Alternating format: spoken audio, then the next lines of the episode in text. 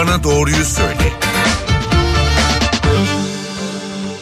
NTV Radyo Stüdyosu'na hoş geldiniz. Ben Öykü Özdoğan. Doktor Bana Doğruyu Söyle programındasınız. Kan sulandırıcı ilaçlar ve doğru kullanımları üzerine sohbet edeceğiz bugün. Stüdyo konuğumuz Maslak Acıbadem Hastanesi'nden kardiyoloji uzmanı Profesör Doktor İlke Sipahi. Hoş geldiniz stüdyomuza. Hoş bulduk Tekrar Öykü Hanım. diyelim. Telefon numaralarımızı da hatırlatalım. 0212 335 47 20 335 47 20 oldu telefondan bize ulaşıp kan sulandırıcı ilaçlar ve doğru kullanımları ile ilgili sorularınızı stüdyo konuğumuz Profesör Doktor İlke Sipahi'ye iletebilirsiniz.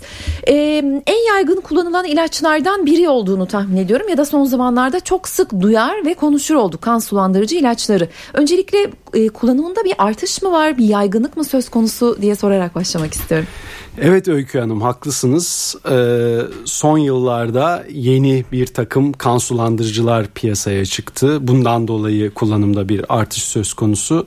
Ayrıca tabii kan sulandırıcıların hangi hastalıklarda işe yaradığını artık daha iyi biliyoruz ve bu hastalıkları olan e, çoğu hastamıza artık e, bu ilaçları reçete etmeye başladığımız için kesinlikle kullanımda bir artış söz konusu. Ee, tabii ki doğru kullanımı, doğruları, yanlışları üzerine konuşacağız ama önce dilerseniz niye kullanıyoruz bu kan sulandırıcı ilaçları, neden veriliyor diye sormak istiyorum.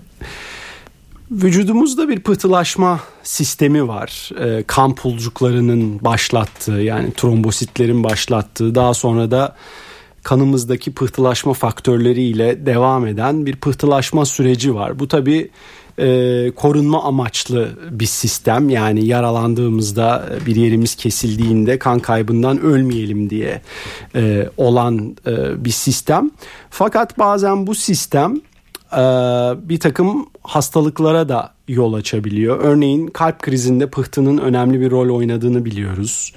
Kalp krizi sonrası taktığımız metal stentlerde e, pıhtılaşmanın olabildiğini biliyoruz. Bundan başka daha çok nörologların gördüğü inme hastalığında gene pıhtının önemli bir rol oynadığını ve aynı zamanda bacak damarlarında, kalbin içinde, kalbin odacıklarında da pıhtı e, olabileceğini biliyoruz ve bunların hepsi son derece e, önemli hastalıklara yol açıyor. Kalp krizi, inmeler veya akciğerde damar tıkanıklığı, emboliler gibi.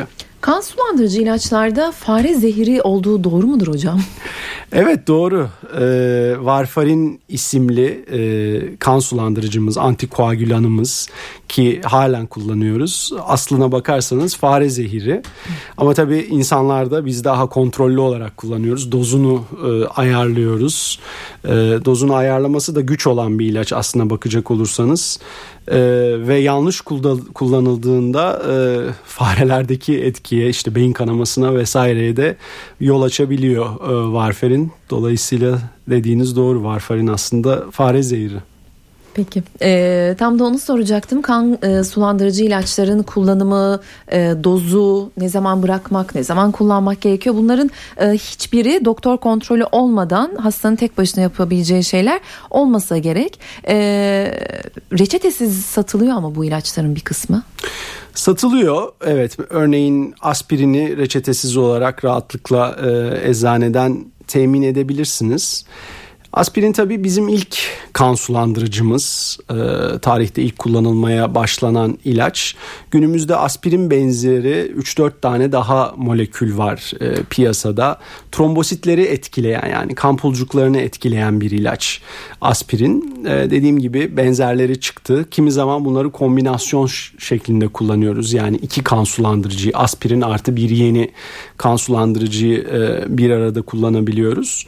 Bir de antikoagülanlar var yani trombosit üzerinden etki etmeyen pıhtılaşma faktörlerinin etkisini bozarak örneğin varfarinde olduğu gibi K vitamininin e, fonksiyonunu bozarak e, etki eden ilaçlar var. Burada sorunuzla ilgili en önemli husus e, kendi başımıza alıp kullanabilir miyiz? Hayır. Bunlar son derece kritik ilaçlar. En basitinden aspirin dahi biliyoruz ki mide kanaması riskini kesinlikle arttırıyor. Mutlak suretle doktor kontrolü altında e, kullanılması gereken ilaçlar. Ee, bazen doktor kontrolü altında bile komplikasyonlara yol açabilecek ilaçlar. Yani doktorun verdiği aspirin mide kanaması yapmayacak diye bir şey yok. Gene doğru hastada kullanılması gerekiyor. Tedbirler alınması gerekiyor. Örneğin aspirinle beraber ikinci bir kan sulandırıcı kullanıyorsak e, o zaman mutlaka bir mide koruyucu ilaç da vermemiz gerekiyor ki mide kanaması riski artıyor. Bunu tekrar e, normale çekebilelim. Bu e, son verdiğiniz örnekteki gibi kan sulandırıcı ilaç kullanırken dikkat edilmesi gereken ya da alınması gereken en önemli tedbirler, önlemler nelerdir?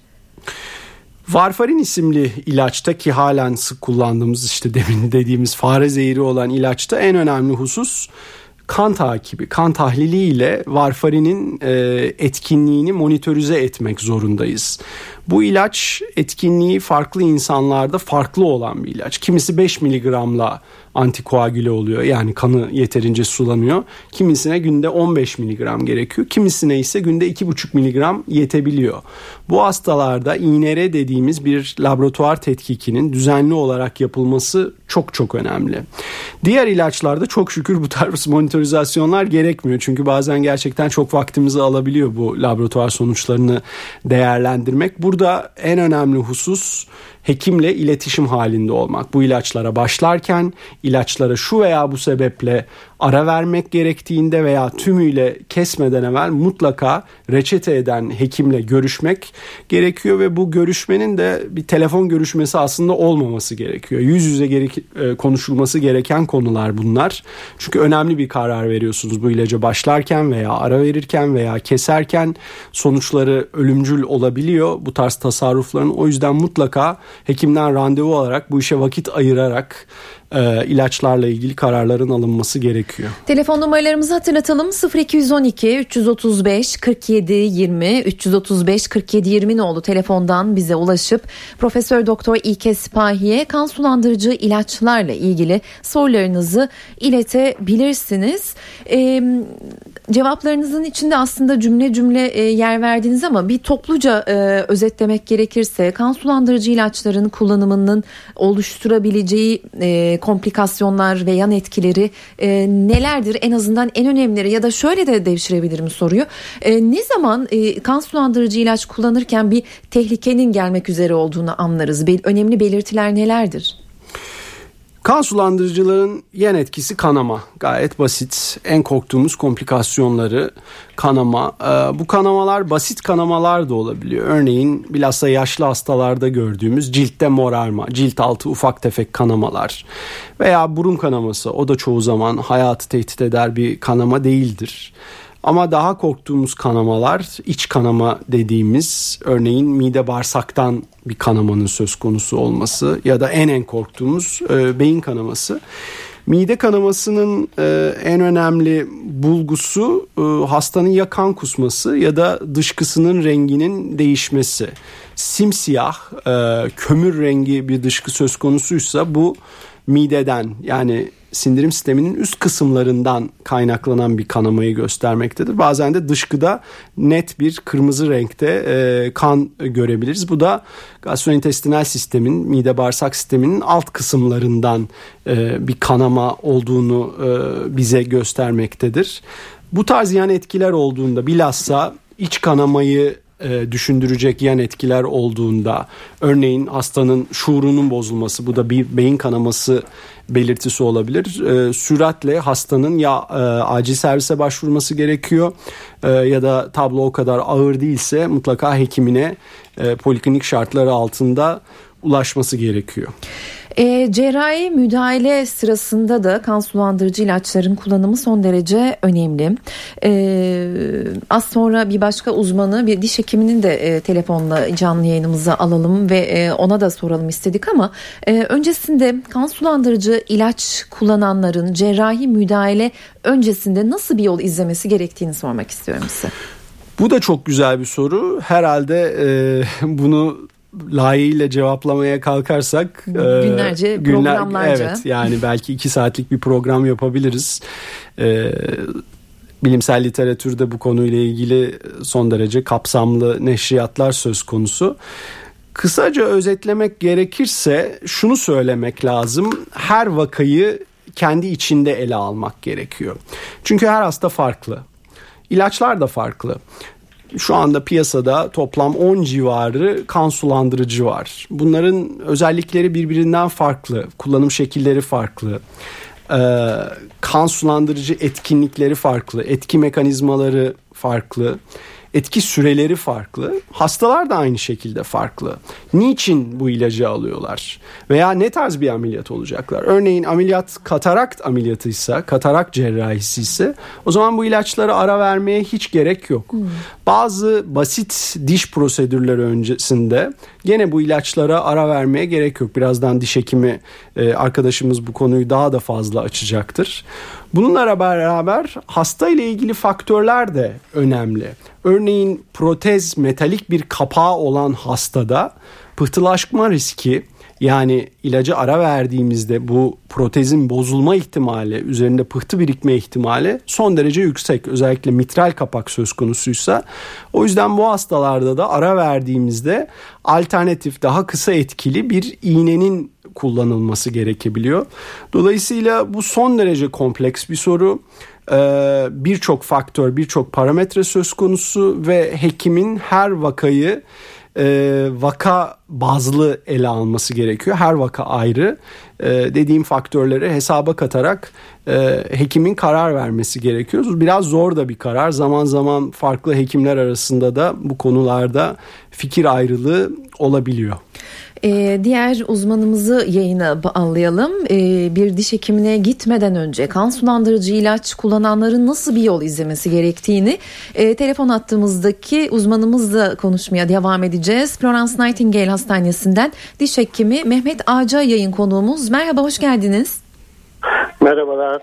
E, kan sulandırıcı ilaç kullanan hastalar size söylemeyi ihmal ederlerse ne oluyor diye sormak istiyorum. Ya da siz her gelen hastaya bu ilacı kullanıp kullanmadığını soruyor musunuz? Tabii ki yani hastalarda özellikle belli bir yaş grubundaysa oradaki konumuza da selamlar gönderiyorum. Demin çok güzel bir şekilde özetledi. Ee, e, bu tip hastalar daha çok orta yaş ve üst yaş grubunda bulunan hasta gruplar oluyor. Bunları anemnezler sırasında soruyoruz. Zaten bazıları çok e, dikkatli hasta grubuna giriyor. Bize zaten kan sulandırıcı olduklarını kullandıklarını söylüyorlar ve hastalıklarını bize anlatıyorlar. Ee, bazen bunlar birkaç ilaç birden kullanabiliyorlar. Biz bu ilaçlarını düzenliyoruz ve o ilaç e, düzenlemesine göre de dişle ilgili tedavilerin tamamına yanıt verebiliyoruz.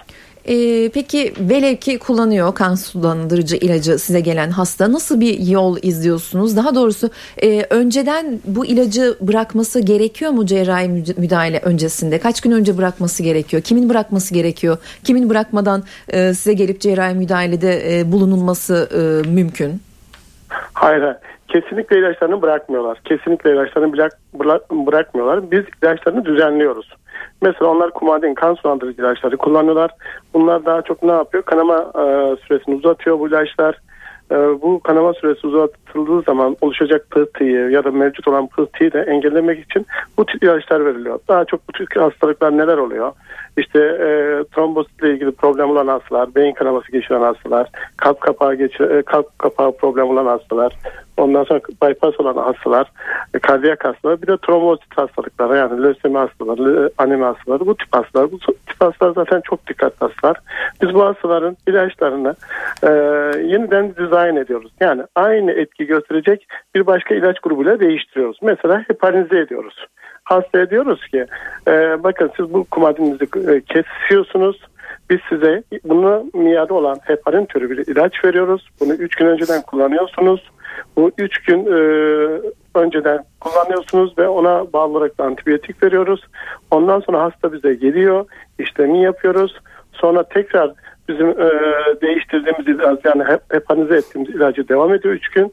Ondan sonra eski kullandığı kumadinine aynı dozda aynı şekilde aynı aralıklarla kullanabiliyor. Hı. Fakat arada şu var. Birisinde kumadin kullanılıyor, birisinde heparinize ediyoruz. Heparinize ederken hasta kumadin de ağızdan alıyor. Heparin dediyse kaslara e, inme formunda uygulatıyoruz. Bu şekilde tedavisini düzenliyoruz. Demin oradaki hekim arkadaşımızın da söylediği gibi hastadan hastaya değişiyor tabii bu. Fakat genel olarak e, tedaviye yaklaşma açımız bu.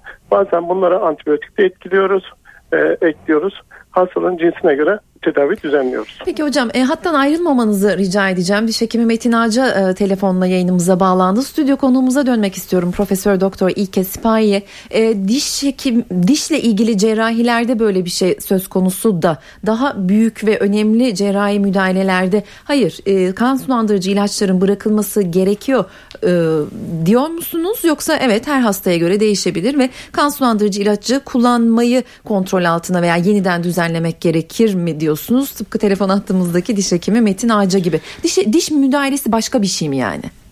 E, dişte bir prosedür sonuçta kanama riski olan bir prosedür.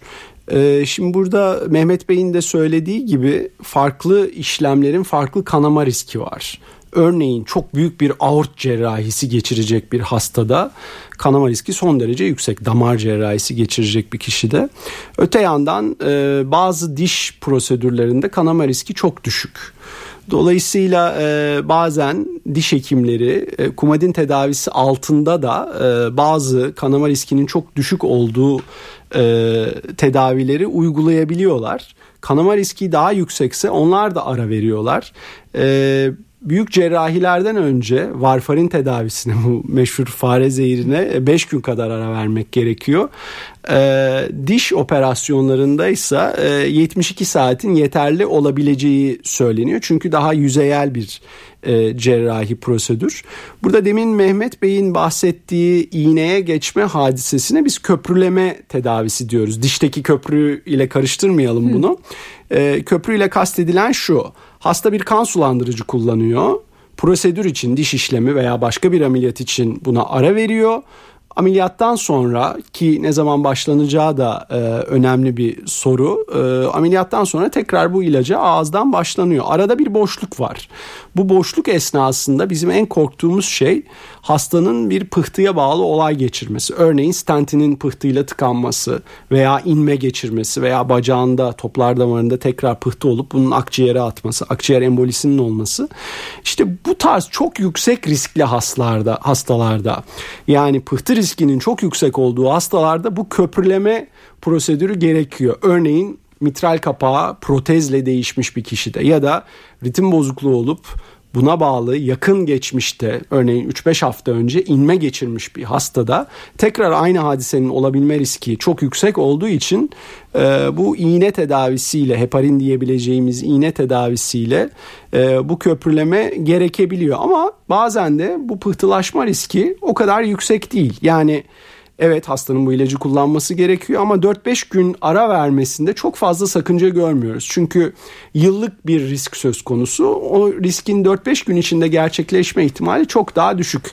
Yani bunu şöyle düşünelim e, bir giden arabada 120 ile giden bir arabada e, yolda 3-4 dakika emniyet kemerini çıkartmaya benziyor bu. E, bazen çıkartmak gerekebiliyor işte bir, bir şeyinizi çıkartmanız gerektiğinde ceketinizi vesaire dünyanın sonu değil ama 8 saatlik bir şehirler arası yolculuğu da emniyet kemersiz e, yapmak sakıncalı. İşte bazen dediğim gibi köprüleme gerekiyor bazense gerekmiyor. Peki e, telefon hattımızdaki uzmanımıza dönmek istiyorum. E, sevgili Metin Ağaca var mıdır eklemek istediğiniz bir şey? Ee, oradaki e, hekim arkadaşımız da konuyu gayet güzel bir şekilde anlatıyor. E, bu tip hastalar artık diş hekimine gittikleri zaman her türlü cerrahi işlemleri biz yapabiliyoruz. Korkmasınlar. Yeter ki tedavi planlaması iyi yapıldıktan sonra hastanın ve e, tedavinin planlaması çok doğru gittikten sonra hastada korkulacak bir sıkıntı olmuyor. Bu tip hastalar daha çok e, diş konusunda çok sorun yaşıyorlar. E, belli klinikler, özel muayeneler, özel klinikler bunlara çok müdahale etmiyorlar ve bu hastalar mağdur oluyorlar. Bu nedenle bizim hastanemizde genellikle bu tip hastaları çok güzel bir şekilde tedavi edebiliyoruz. Hiçbir komplikasyonla karşılaşmıyoruz. Yani bu tip hastalar diş tedaviden ihmal etmesinler. Çünkü daha sonra mesela bir kapak ameliyatı olan hastada daha sonra bir enfeksiyon, ağızdaki bir enfeksiyon, oradaki hocamız da belki anlatacaktır. Mutlaka daha ciddi problemlere neden olmakta. Bu nedenle bu kanama riskimiz var, işte şu tür sorunlarımız var diye tedavilerini hiç ertelemesinler gerek bu tür cerrahi müdahalelerden önce yani bir kapak ameliyatından önce mutlaka bir hekim kontrolünde tedavilerine enfekte diş etlerinde enfekte dişlerin olmaması ve tedaviden sonra da rutin kontrollerinin yapılması her türlü cerrahi daha da iyileşmesini ve hasta konforunu ve kalitesini yükseltmektedir. Peki çok teşekkür ediyoruz yayınımıza katıldığınız için. Diş hekimi Metin Ağca bizimleydi. Telefon numaralarımızı hatırlatalım 0212 335 47 20 335 47 20 nolu telefondan bize ulaşıp kan sulandırıcı ilaçlar ve doğru kullanımları ile ilgili sorularınızı stüdyo konuğumuz Profesör Doktor İlke Sipahi'ye iletebilirsiniz. Kısa bir ara vereceğiz. Aranın ardından devam edeceğiz.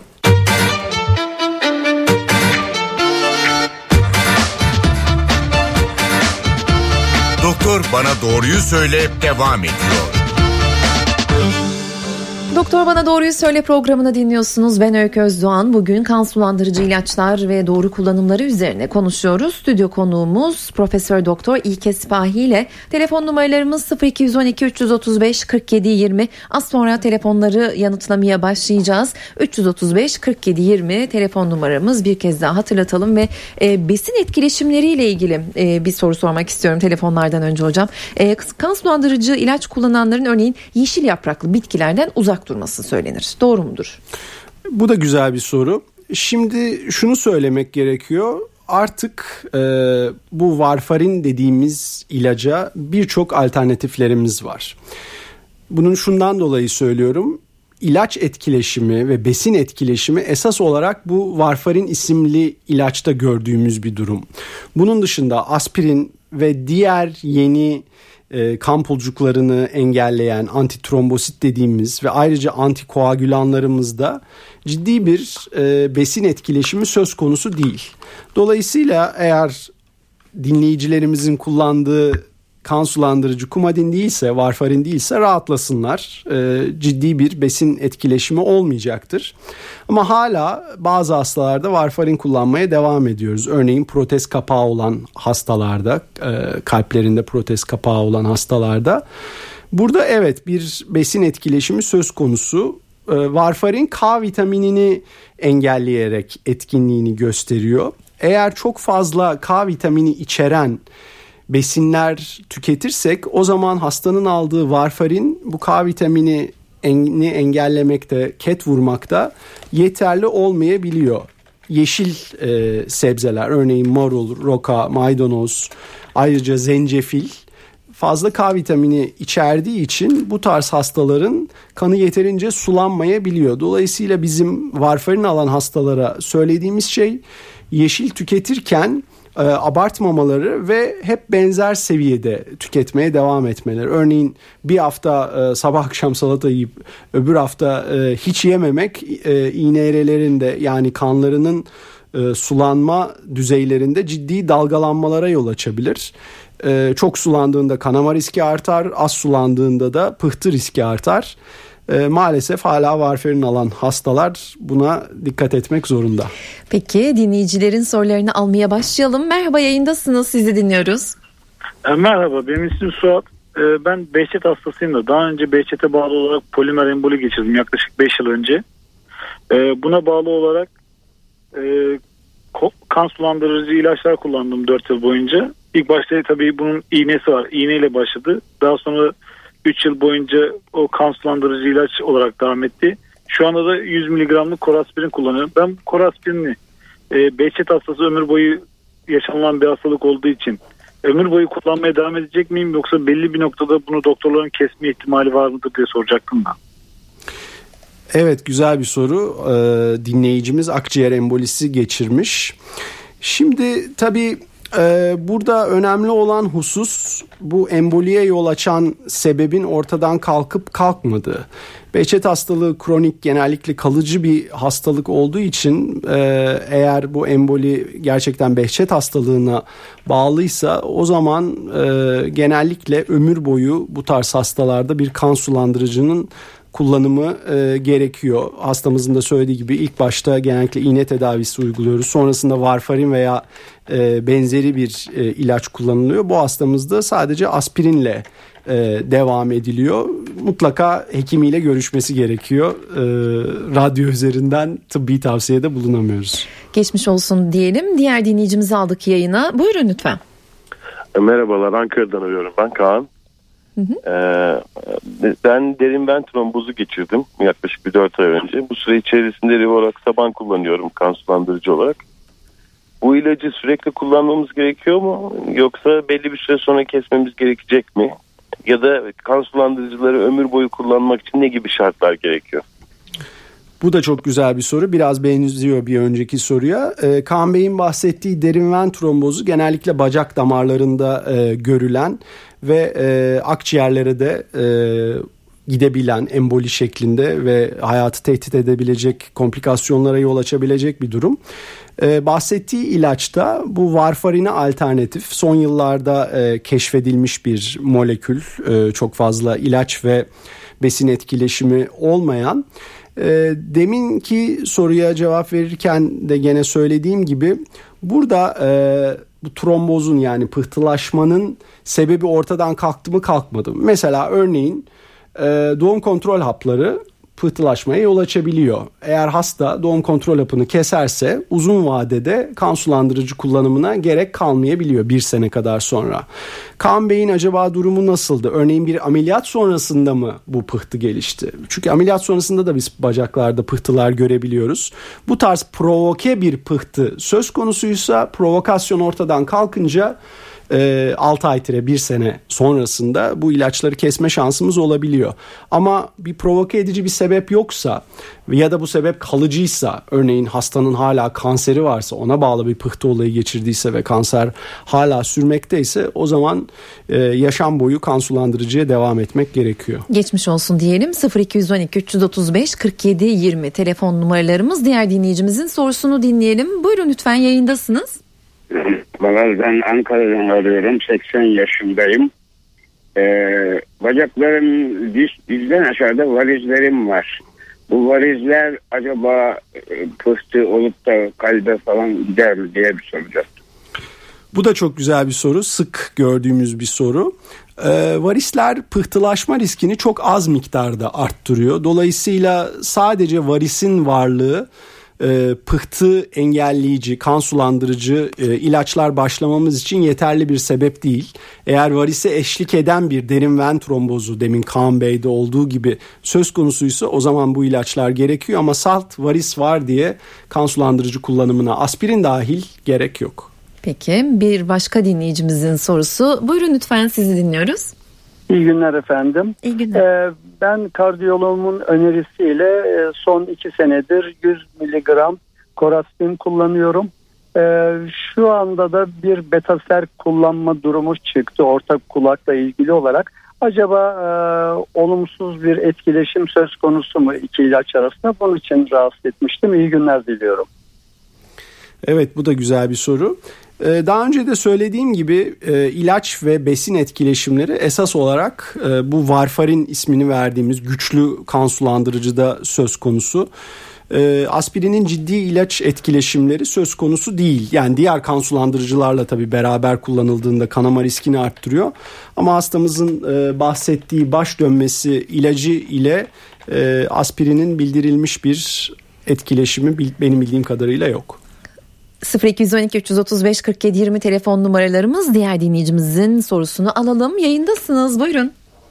İyi günler. Ben 49 yaşındayım. Herhangi bir rahatsızlığım yok fakat doktorum yaşım gereği her gün 100 miligram koraspirin almamı önerdi.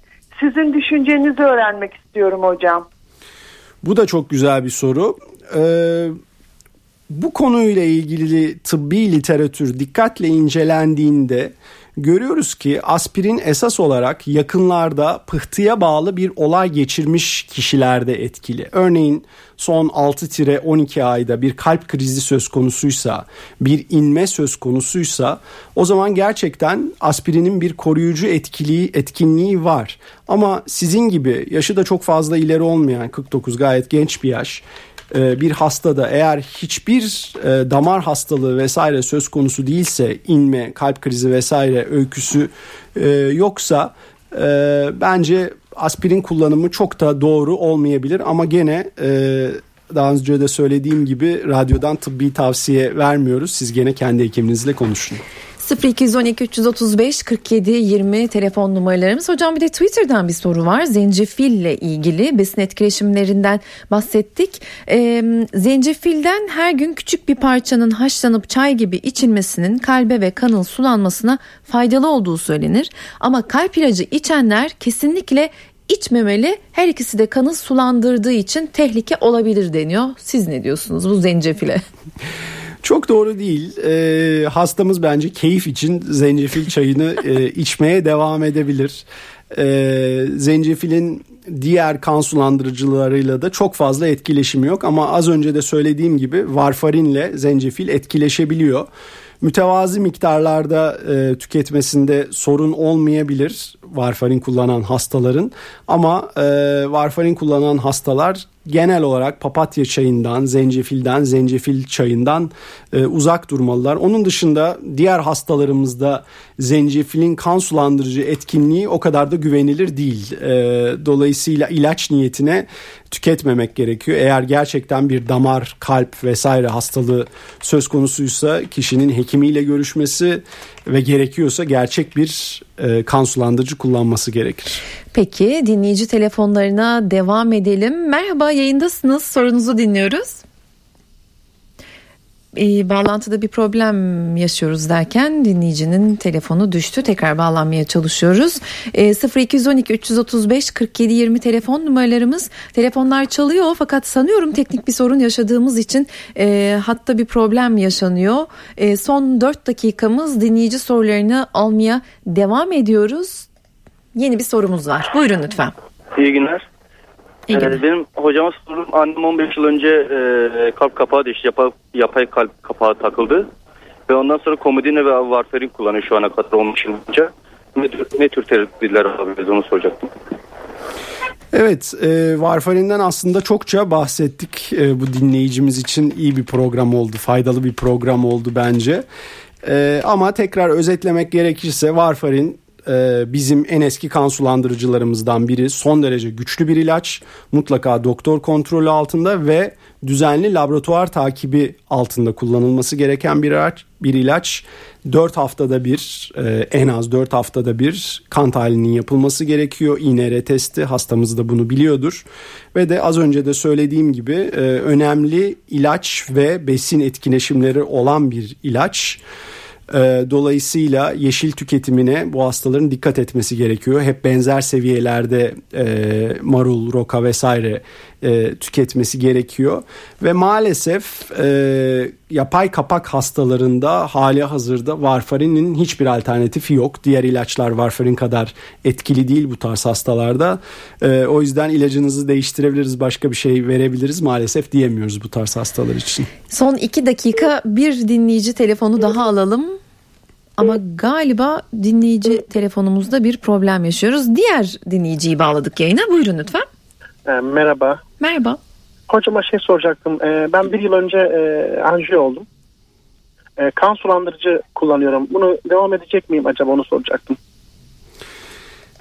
Evet e, herhalde anjiyonuz çok normal çıkmamış. Onun üzerine kan sulandırıcı verilmiş. Ee, çok fazla tabii bilgiye sahip değilim sizin durumunuzla ilgili. Ee, bazen kesmek söz konusu olabiliyor. Yakınlarda enfarktüs vesaire öyküsü söz konusu değilse e, bu konuyu gene e, kendi hekiminizle e, değerlendirmenizi tavsiye ediyorum. Tıpta maalesef e, böyle herkese uyan e, tavsiyeler söz konusu değil yani. Konfeksiyon e, maalesef tavsiyelerde bulunamıyoruz. Her hastanın özellikleri kendine özgü biricik. E, ilaçlar da benzer şekilde. O yüzden her vakayı kendi içinde e, ele almak gerekiyor ve uzun uzun düşünüp taşınıp bütün riskleri ve faydaları hesaba katarak her ilacın e, kararının verilmesi gerekiyor. Çok fazla telefon var. Son 40 saniye hızlı hızlı alalım iki dinleyicimizin sorusunu. Buyurun lütfen. Radyonuzun sesini Alo. kısar mısınız? Tamam. Alo. Buyurun yayındasınız. İyi, iyi günler hocam. Buyurunuz. Ben e, vücudumun çeşitli bölgelerine çok sık şekilde kramplar giriyor. Bunun için de 100 miligram e, koraspirin kullanıyorum ama yani herhangi bir doktor tavsiyesiyle değil de tamamen kendi inisiyatifini kullanarak bu konuda e, almak istiyordum ama teşekkür ederim. Hayır yani. Bence çok doğru yapmıyor olabilirsiniz. Kramplar genellikle e, kan sulandırıcılarla alakalı değildir ve e, aspirinle krampları tedavi edebilmek genellikle mümkün değildir. Bir hekime görünmenizi tavsiye ederim. Aslında süremiz doldu ama son iki dediğim için bu soruyu da alalım hocam. Merhaba yayındasınız. Aslında süremiz doldu ama. Alo. Radyonuzun sesini kısıp hızlıca sorunuzu sorabilir misiniz? Alo hocam iyi günler. Buyurunuz. Ee, ben e, bir yıl önce yüzperci geçirmiştim. Ee, buna bağlı olaraktan e, beyindeki kılcal damarlarda daralma olduğu için ömür boyu 100 miligram e, aspirin kullanacaksın dediler. Bunu acaba ömür boyu kullanmam gerekir mi hocam? Evet e, bir olay geçirmişsiniz muhtemelen pıhtıya bağlı bir olay geçirmişsiniz ve yaşam boyu aspirin tedavisi önerilmiş. Sizin bu tarz olaylara hep meyliniz olacağı için bence yaşam boyu kullanmanız gerekecektir ama e, gene bunu tıbbi tavsiye olarak almayın. Bir yan etki gelişebilir mide kanaması vesaire siz gene hekiminizle görüşün bu konuyu. Çok fazla telefon var. Ee, önümüzdeki haftada aynı konuyu işleyelim diye az önce e, yayın yönetmenimden de bilgi geldi. E, tabii yayın sonrası uzmanımıza Profesör Doktor İlke Sipahi'ye soracağız. Bilmiyorum önümüzdeki haftada vakit ayırabilir mi? Ayıramasa bile biz yine bu konuyu yapacağız. Çok teşekkür ediyoruz stüdyomuza geldiğiniz için. Ben, ben teşekkür ederim Öykü Hanım. Profesör Doktor İlke Sipahi bizimleydi. Kan sulandırıcı ilaçlar ve doğru kullanımları üzerine sohbet ettik. Ben Öykü Özdoğan. Önümüzdeki hafta aynı konuyla yeniden yayında olacağız. Hoşçakalın.